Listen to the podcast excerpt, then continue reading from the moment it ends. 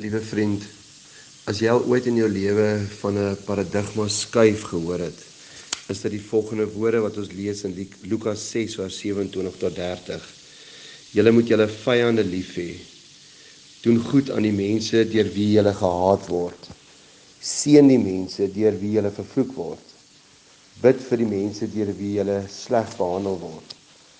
As iemand jou op die een wang slaan, bied hom op die ander een. En vir iemand wat jou boklere vat, moet jy op die ander onderklere nie weier nie.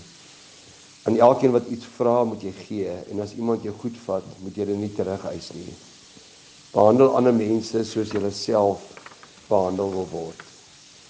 Vriende, Albert Einstein het by 'n geleentheid gesê dat alles het verander behalwe ons manier van dink.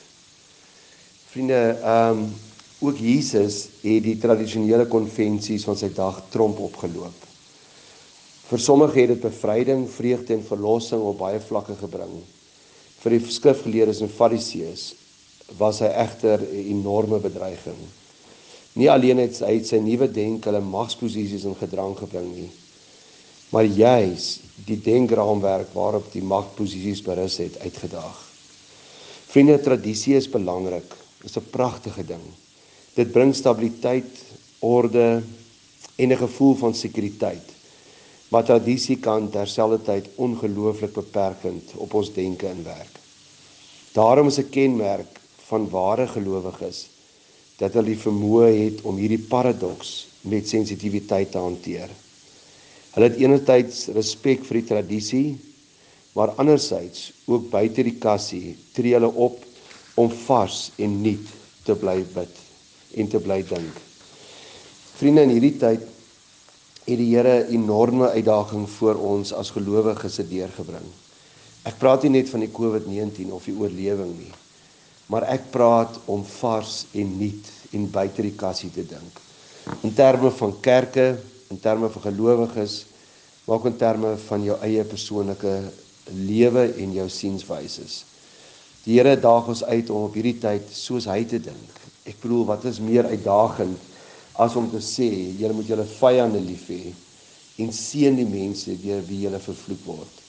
En Jesus sê dit vir ons. Dit is ons riglyn. As ons ernstig is oor die woord van die Here, as ons ernstig is en ons sê dis ons riglyn vir die lewe, kan ons nie net sekere stukkies lees en uitknip en vir onsself hou nie. Dan is hierdie ook waar vir die tyd waarin ons nou in Suid-Afrika leef. En daarom sal ek graag wil afsluit vandag met 'n pragtige gebed. Vader, help my asseblief om buite my kassie te dink.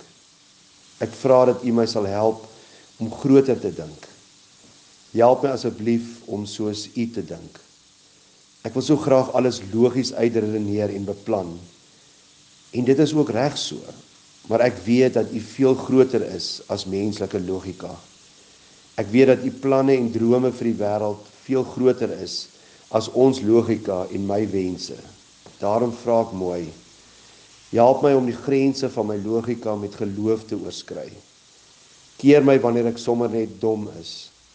Help my om te waag, dit met u te waag wanneer ek moet.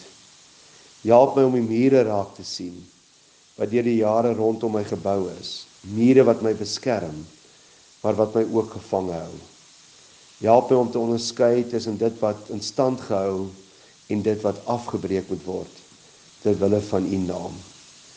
En dan, Here, help vir ons om die woorde ek sal lewe, ek sal sterwe, ek vir jou Suid-Afrika om dit te verander in 'n gebed vir Christus.